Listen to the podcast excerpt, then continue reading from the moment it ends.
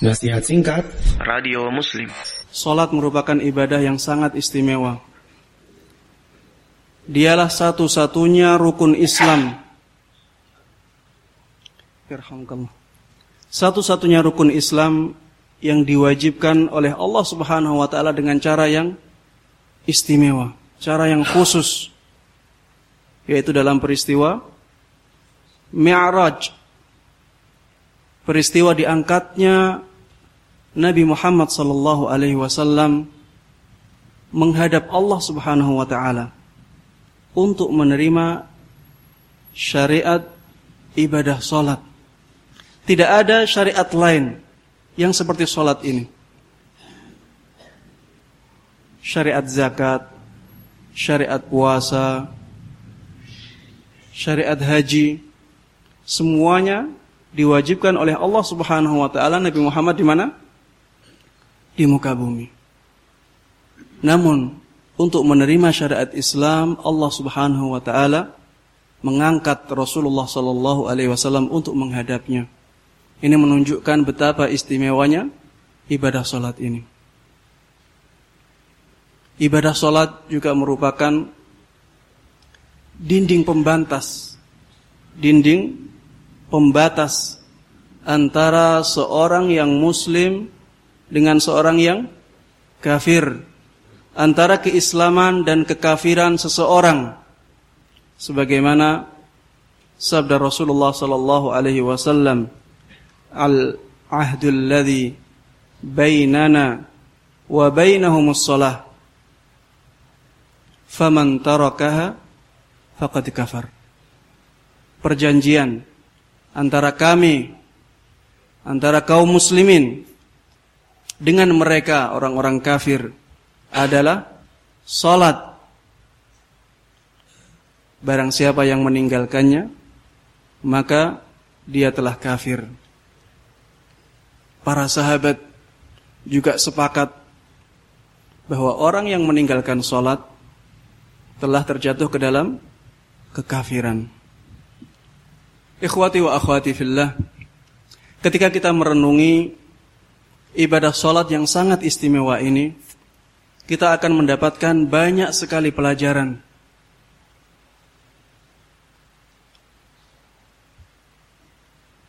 Di antara pelajaran-pelajaran tersebut, yang pertama, bahwa sholat kita mengajarkan kita untuk bertauhid kepada Allah Subhanahu wa Ta'ala.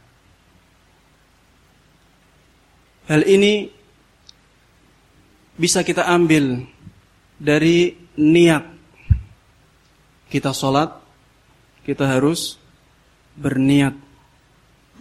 Niat tersebut harus karena Allah Subhanahu wa taala. Dan ini adalah nilai tauhid. Kita sholat apabila niat kita tidak murni karena Allah Subhanahu wa taala, maka sholat kita tidak akan sah. Kalau kita sholat ingin dipuji orang lain, maka sholat kita tidak sah. Ana aghna syuraka'i anis syirk man amila amalan asyraka fihi ma'iyya ghairi taraktuhu wa syirkah. Ini adalah hadis qudsi. Allah Subhanahu wa taala berfirman, "Saya aku adalah zat yang paling tidak butuh terhadap kesyirikan. Barang siapa yang melakukan amalan yang dia melakukan kesyirikan di dalamnya, maka aku akan meninggalkannya bersama amalannya.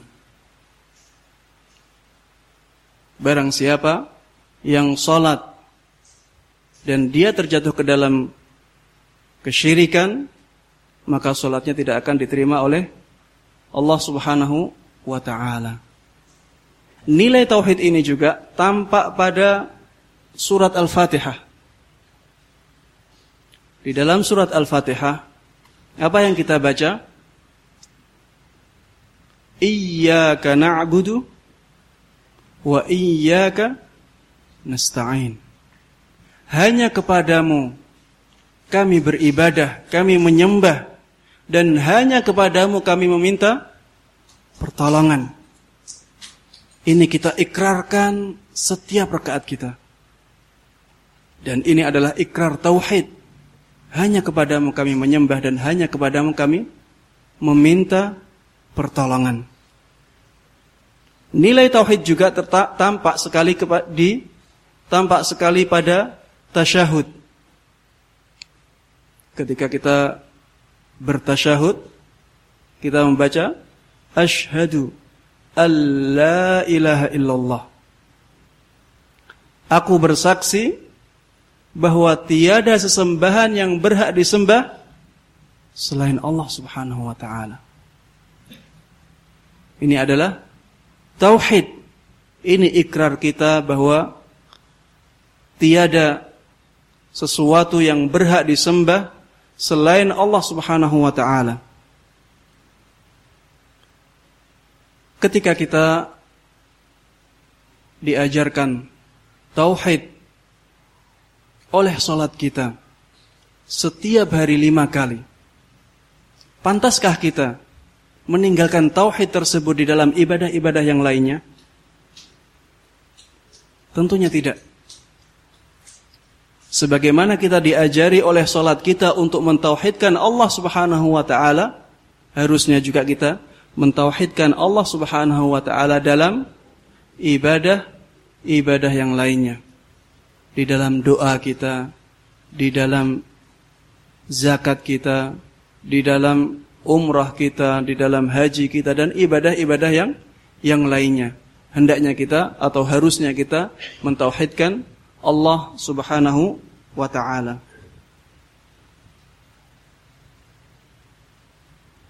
Faidah yang kedua yang bisa kita ambil dari ibadah solat kita adalah bahwa solat ini mengajarkan kepada kita untuk berittiba' kepada Rasulullah Sallallahu Alaihi Wasallam dalam beribadah. Di dalam beribadah kita harus mengikuti tuntunan siapa? Tuntunan Rasulullah sallallahu alaihi wasallam. Jika ibadah kita tidak sesuai dengan tuntunan beliau, maka ibadah kita akan ditolak.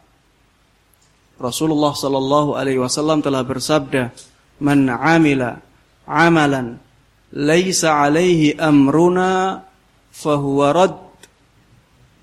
Barang siapa yang melakukan amalan ibadah yang tidak sesuai dengan tuntunan kami, maka amalan ibadah tersebut ditolak oleh Allah Subhanahu wa taala. Amalan ibadah tersebut menjadi sia-sia, menjadi tanpa pahala.